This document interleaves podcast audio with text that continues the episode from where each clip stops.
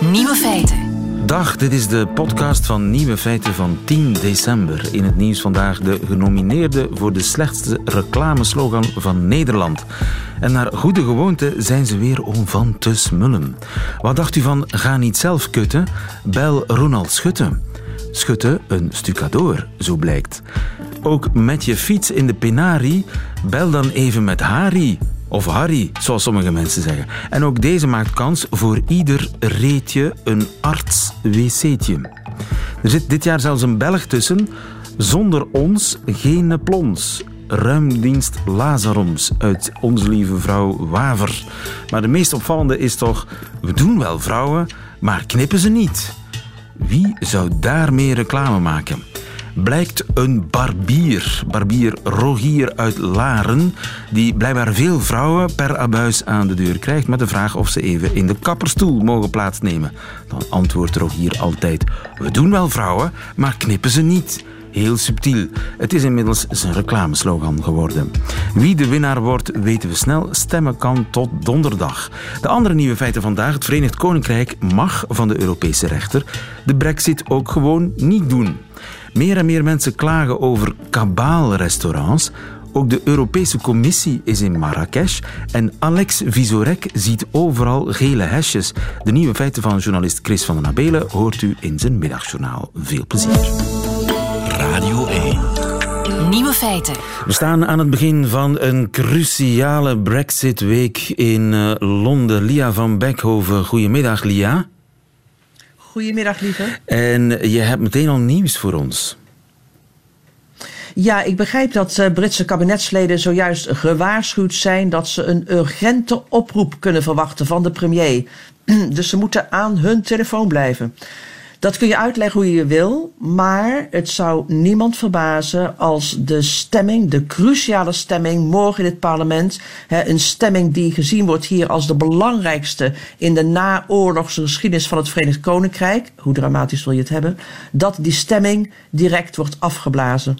En als dat zo is, dan is de reden hiervoor duidelijk, want premier May en haar Brexit-akkoord staan op groot verlies. En niemand wil natuurlijk de geschiedenis ingaan als regeringsleider die de zwaarste nederlaag leed in misschien wel 100 jaar. Ja, maar uitstel is nog geen afstel. Wat gebeurt er dan? Wordt er een nieuwe datum naar voren geschoven, denk je? Alle...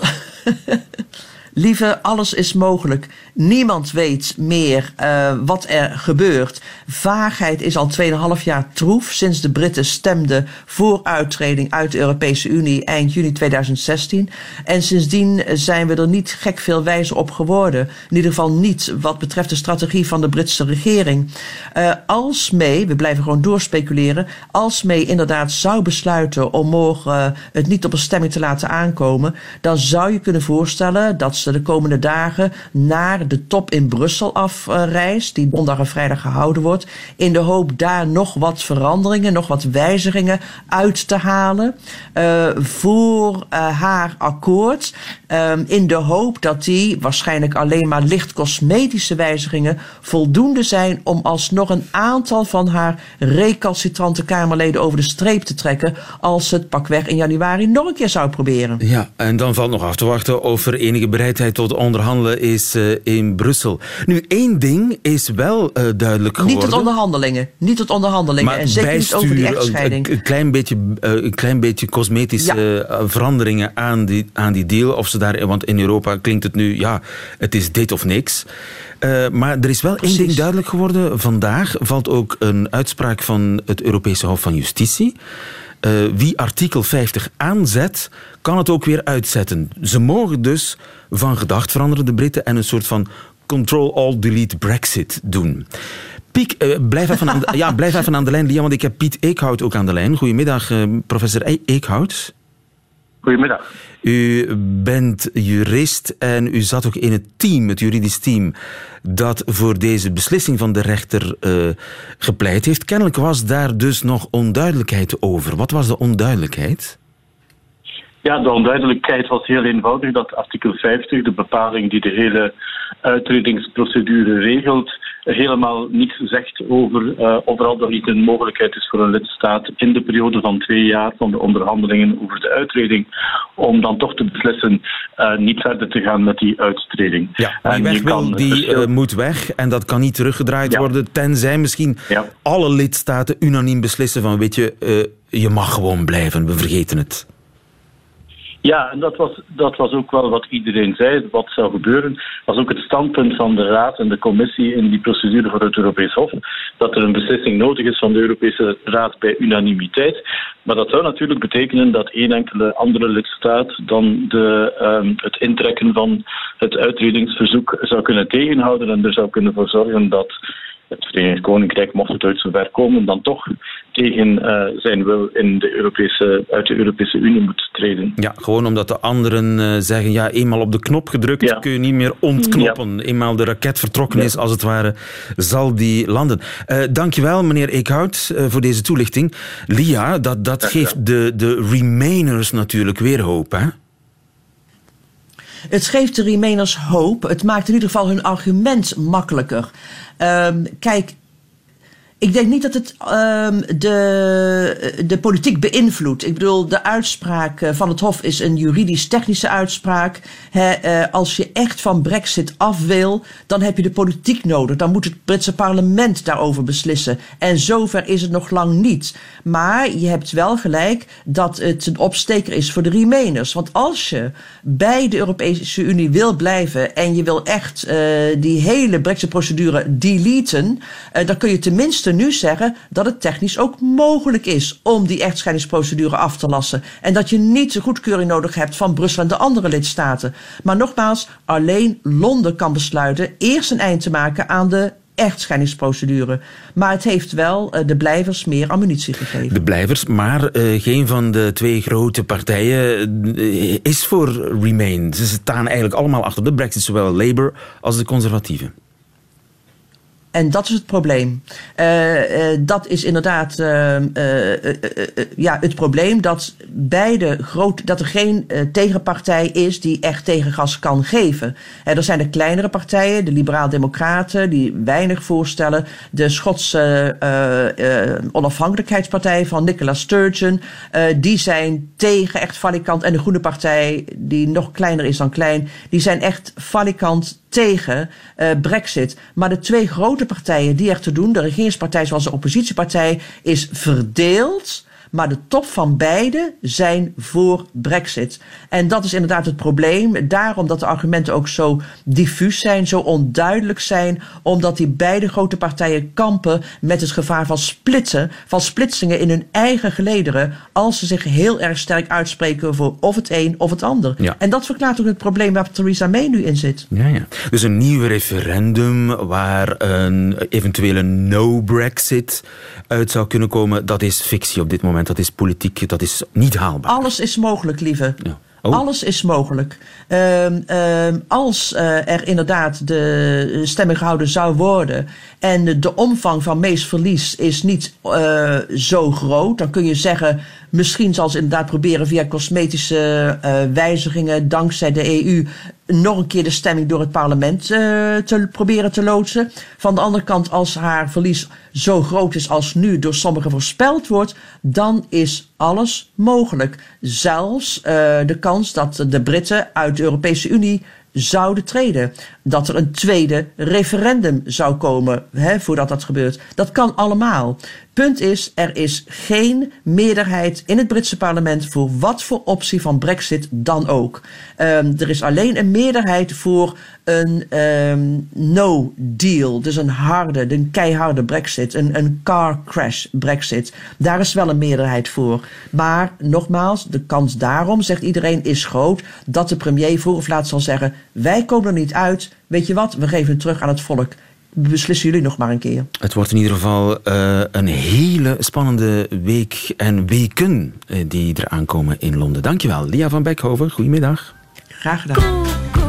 Nieuwe feiten. Coucou de France. Met Alex Visorek. Wat er ook gebeurt, ik krijg altijd een warme coucou de France van uh, Alex Visorek, mijn France Inter-collega in Parijs en landgenoot. Goedemiddag, Alex. Ja, goedemiddag, lieven. En uh, om te starten wou ik graag een aperitiefje voorstellen. Mm -hmm. Want als de Belgische politiek niet vrolijk is, kan je hier in Frankrijk altijd wat voer voor comedians vinden. Je herinnert je misschien nog Benoît Hamon. Benoît Hij was de Hamon.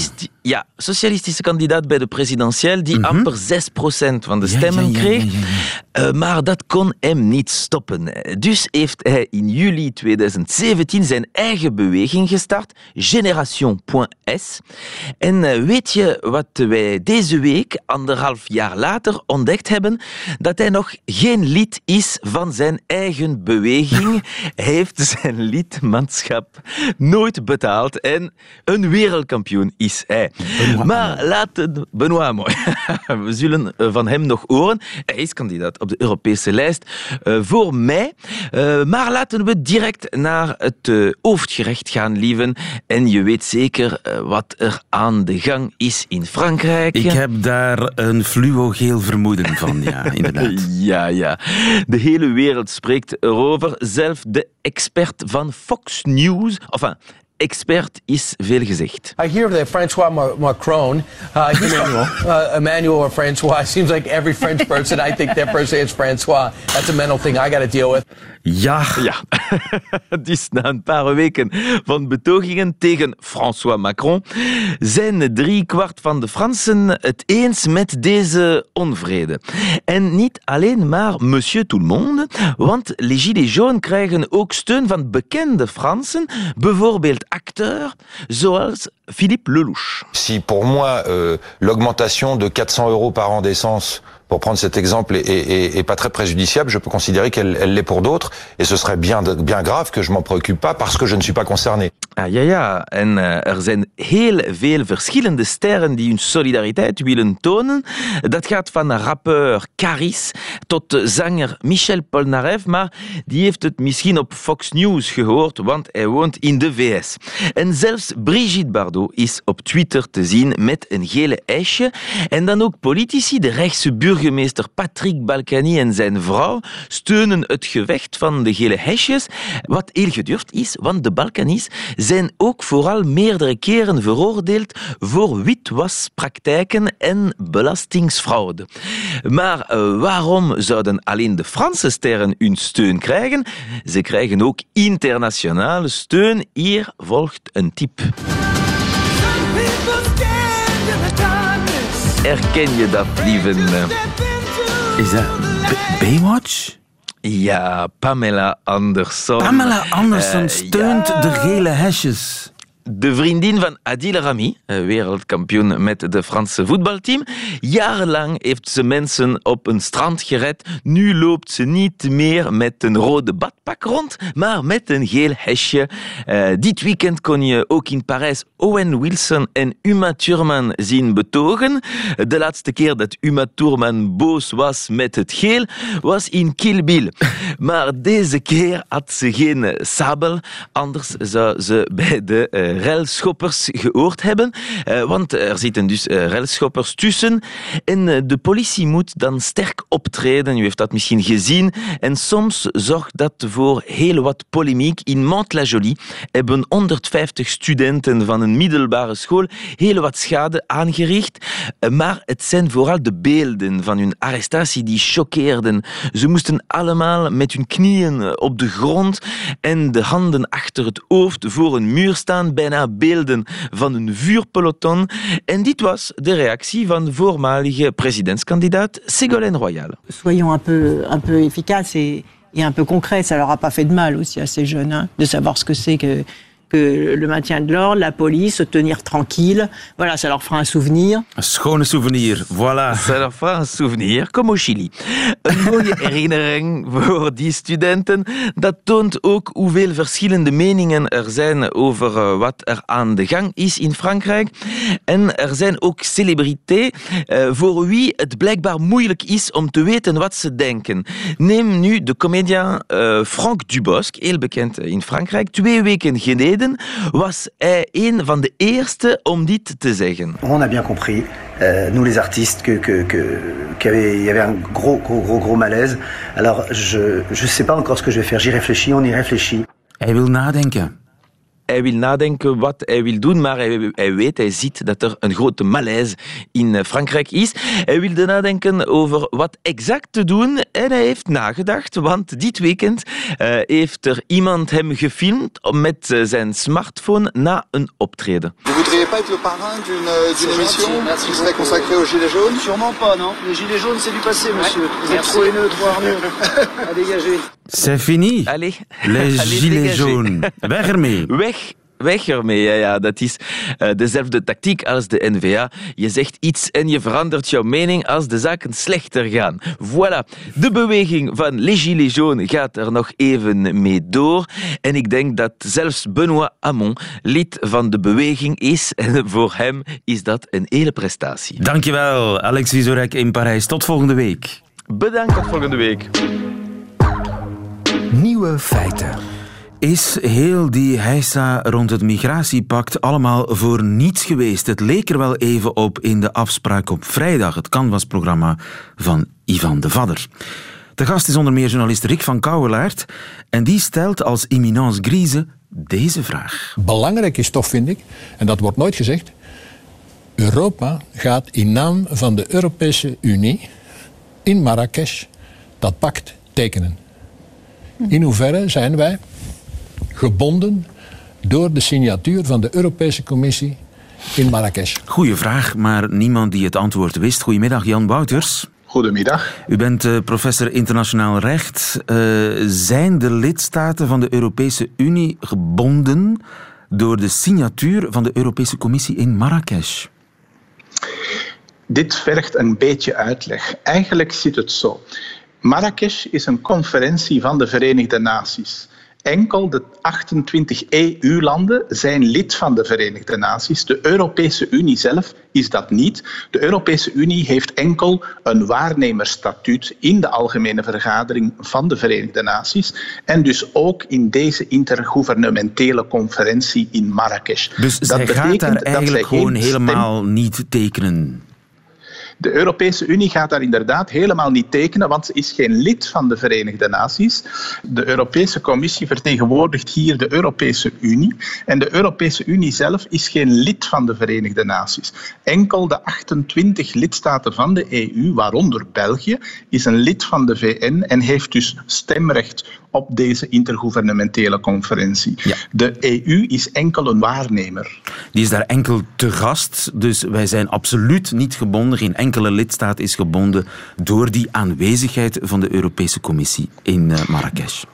Pas op, dat moet je toch nuanceren, want de Europese Commissie haar commissaris voor migratie, die is daar nu, die spreekt namens de commissie, maar het gaat dan over een bevoegdheid van de Europese Unie, die van de EU is. En omdat wij die bevoegdheid hebben overgedragen aan de EU, spreekt die man wel degelijk ook in naam van ons. En welke bevoegdheid is dat dan? Dat is de bevoegdheid voor migratie. Kijk, de Europese Unie en de lidstaten hebben een gedeelde bevoegdheid voor migratie. Er is dus een stukje van die bevoegdheid die Europees is. En het is in het kader van dat stukje dat de Europese commissaris in Marrakesh een verklaring aflegt namens de commissie. Dus de lidstaten zijn wel degelijk geëngageerd in het migratiepact van, dat eigenlijk geen pact is van uh, Marrakesh, namelijk via de commissie. Dat klopt. Voor wat betreft het gedeelte van bevoegdheid dat niet meer nationaal is, maar Europees is geworden, is er inderdaad een mogelijkheid voor de Europese Unie om een statement af te leggen. En dat is hetgene wat de commissie nu eigenlijk gaat doen, voor haar stukje bevoegdheid. Ja, en dus eigenlijk is Hongarije, dat uh, van Marrakesh niets wil weten, toch ook een beetje gebonden door Marrakesh. Indirect zou je dat kunnen beweren, inderdaad. Nu, de commissie zal waarschijnlijk haar best doen om te specifiëren dat ze enkel als commissie spreekt en niet als Europese Unie. Wie kan dat nog volgen? Dat is inderdaad niet makkelijk, maar dat vergt een beetje uitleg over de bevoegdheidsverdeling tussen de Europese Unie en haar lidstaten. En omdat er geen gemeenschappelijke EU-positie meer zal zijn, er zijn een aantal lidstaten, zoals u weet, in Centraal- en Oost-Europa die afgehaakt hebben. Daarom gaat nu de Commissie enkel namens zichzelf spreken en dus niet namens de hele Europese Unie. Het wordt er niet simpeler op op die manier natuurlijk. Nee, dat is zeker juist. Maar ja, dat is de complexiteit van de Europese integratie. Migratie is geen louter nationale bevoegdheid meer. Wij hebben een hele hoop Europese maatregelen aangenomen, al vele jaren. En dat betekent dat een deel van die bevoegdheid nu eigenlijk Europees is geworden. Ja, en dat betekent ook dat die eh, nationale soevereiniteit voor een deel al weg is, waar zoveel landen op hameren. Ja, en daar hebben wij inderdaad destijds allemaal mee ingestemd. Dankjewel, Jan Wouters. Goedemiddag. Graag gedaan. Nieuwe feiten. Is het u ook al opgevallen? Restaurants worden alsmaar luider. Een restaurant, vroeger klonk het daar zo. Pianootje op de achtergrond. Tik, tik, tik, bestek. Nog een soesje. Oestertje misschien. Heerlijk. Luxe.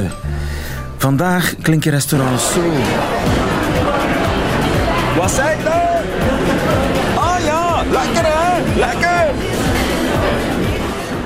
Anja Schooivaerts, goedemiddag. Goedemiddag, lieve. Culinair journalist. Ooit zat ik in een uh, hipster restaurant in Gent, een verbouwde slagerij. Mhm. Allemaal gladde tegeltjes uit de jaren 30. Een feest voor het oog, voor de tong ook en de smaakpapillen.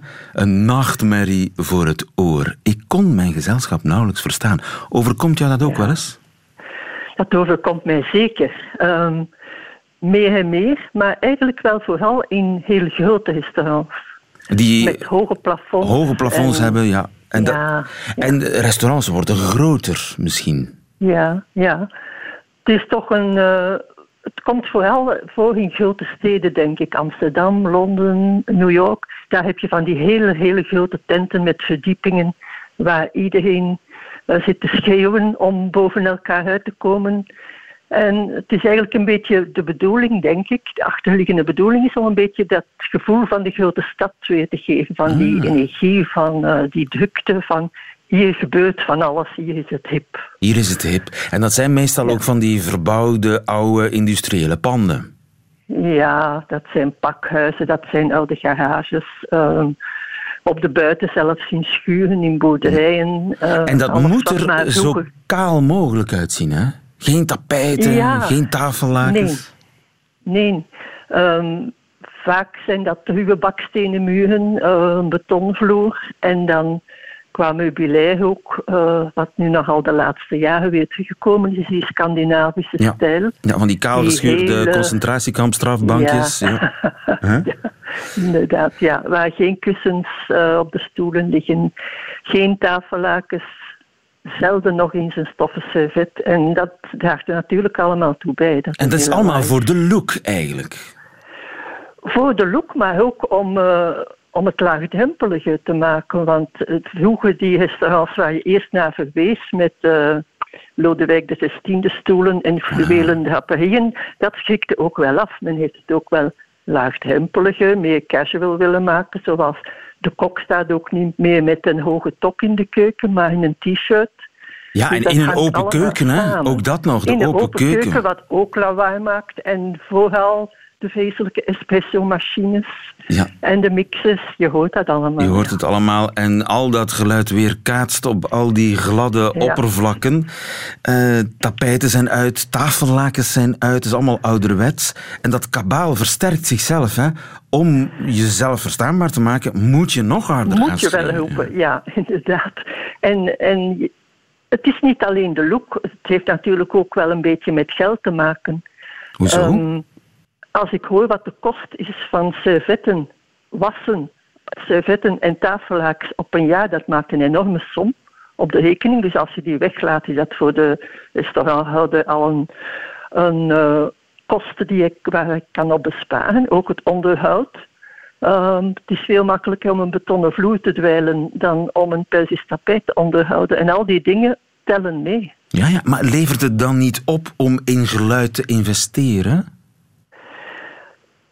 Dat zou kunnen, en, maar dat is ook duur. Er bestaan allerlei materialen uh, om, om het geluid te absorberen, maar volgens ik uh, hoor en lees, is dat het laatste waar men aan denkt als men een restaurant ontwerpt. Blijkbaar hebben de meeste eters daar dan weinig last van. Oh, ik hoor daar toch wel, ja. wel af en toe klachten over. En je kunt dat ook lezen uh, als je de recensies leest uh, op, op uh, internet. Dan zie je toch ook wel vaak klachten van mensen over het geluid. En er zijn zelfs nu, in, in Nederland bestaat zelfs een uh, website die heet zondermuziek.nl. Zondermuziek.nl, heerlijk. Om, voor de mensen die allergisch zijn aan de verschrikkelijke lijstjes met uh, terugkerende vier seizoenen. Er moet dringend een, een, een .be-versie daarvan komen, vind ik. Ja, nu, ja. het kan ook zijn dat al dat geluid de mensen sneller de deur uitjaagt, zodanig dat je twee couverts kunt verkopen op een avond op één tafel. Ja, ik dat zit is misschien mogelijk, maar dat... te sluw te denken.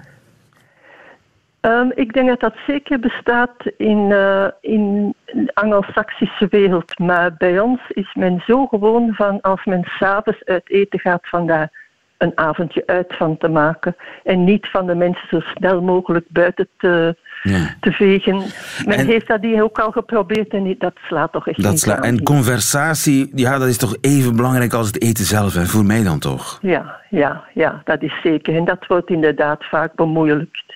En, men probeert dat een beetje kunstmatig te activeren door dat, die vreselijke mode van sharing. Maar dat maakt dan ook weer lawaai. Al dat geschuif met bordjes en vorkjes die te pas en te onpas op tafel worden gegooid.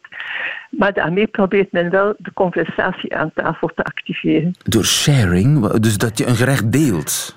Bedoel je Ja. dat? Ah, ja. Ja, ja, dat bedoel ik. En eh, is die trend, zie je signalen dat die trend aan het keren is? Ik heb de indruk van wel. Maar het is een indruk. Ik kan dat niet eh, staven met voorbeelden. Maar zoals je ook ziet, dat de aard van de keuken is aan het keren. Men gaat ook weer terug naar meer klassieke gerechten. Ehm, ik zie ook wel terug eh, nieuwe restaurants waar kamerplanten staan, waar kussentjes liggen in de bar. Dus eh, er komt toch wel een beetje terug van dat kale, van Het- dat heel minimalistische. Bewustzijn groeit en daar zijn we blij mee. Dankjewel, Ja. Anja Schooivaert. Veel plezier nog op restaurant en ik lees jouw stukken graag. Dankjewel, goedemiddag. Dag.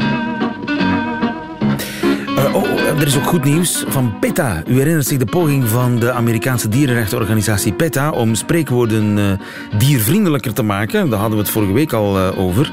In plaats van to kill two birds with one stone stelde PETA voor to feed two birds with one scone. En in de plaats van to take the bull by the horns, hè, de koe bij de horens vatten, dat zou in het Engels moeten worden to take the flower by the thorns. Hè, want je kan toch niet normaal vinden dat dieren mishandeld worden in spreekwoorden. Maar nu heeft PETA Nederland onze spreekwoorden verdiervriendelijkt. Allemaal voor ons gemak. Zeg dus niet de koe bij de horens vatten, zeg de roos bij de dorens vatten. U noteert toch vlijtig mee? Zeg niet twee vliegen in één klap slaan, maar zeg twee keer lachen om één grap. Zeg niet oude koeien uit de sloot halen, maar zeg oude fietsen uit de sloot halen. Een hele verbetering. Zeg niet iemand blij maken met een dode mus, maar iemand blij maken met een computervirus. Zeg niet wie een hond wil slaan kan een stok vinden. Nee, zeg wie een hond wil aaien kan er makkelijk één vinden. Eh, u kan het natuurlijk allemaal nalezen op onze website radio1.be. Gelukkig mogen we nog mieren neuken.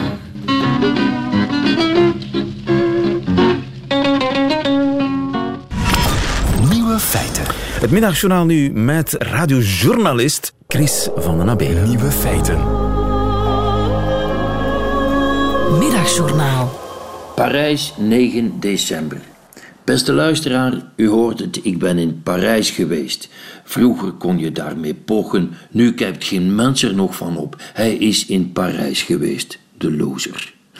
Ik ben er wel eens meer geweest, maar voor het eerst heb ik Parijs bezocht als een vrij mens. Bevrijd van allerlei boekjes en gidsen die me vertelden hoe mooi en interessant ik Parijs moet vinden. Lectuur die me schuldgevoelens aannaait. Het soort gevoel dat ik ervaarde toen ik vroeger naar de Eiffeltoren keek, zonder precies te weten wanneer hij ook alweer is neergepoot. Hoera, ik ben er vanaf. Voor het eerst kon ik voor het Centre Pompidou staan en prevelen hoe mottig. Over mottig gesproken, de kerstboom voor de Notre-Dame die valt in lelijkheid niet te overtreffen. Voor het eerst ontdekte ik wonderlijke plaatsen zonder dat een gids, mens of boekje, me gebiedend had toegesproken: daar moet je naartoe van de Nabelen. Voor het eerst kon ik zo'n majestueuze tempel voorbijlopen zonder me af te vragen waarom hij daar stond en waartoe hij had gediend. Ik was er deze keer niet voor Parijs, Parijs was er voor mij. Ik moest er enkel wat doorheen flaneren. Begot, daar moet een mens dan 54 voor geworden zijn. Bevrijd, ik moet het toegeven, niet helemaal. Sinds enkele maanden is mijn rechterknie een militant lid van de knieënvakbond geworden. Mijn vakbondsknie zeurde mij in Parijs toe: Hé, hey, patroon, gij wilt die trap afdalen? Dat kost u een pijntje. Tot vorig jaar was ik de onbetwiste werkgever van mijn knie. Hij was mijn slaaf. Nu wil hij plots betaald worden met pijntjes. Ik probeer een CAO met de knie vakbond af te sluiten in de hoop dat die niet dreigt met het S-woord. Stel u voor, een staking.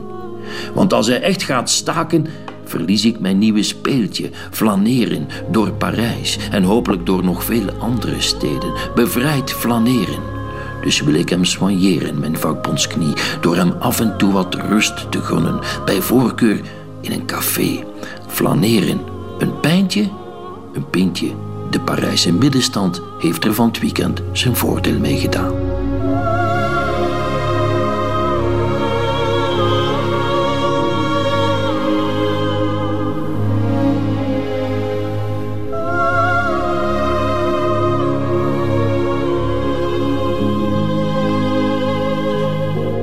Het middagjournaal met Chris van den Abelen, einde van deze podcast. Maar u vindt er nog veel meer op radio1.be en op alle mogelijke podcastkanalen. Tot volgende keer.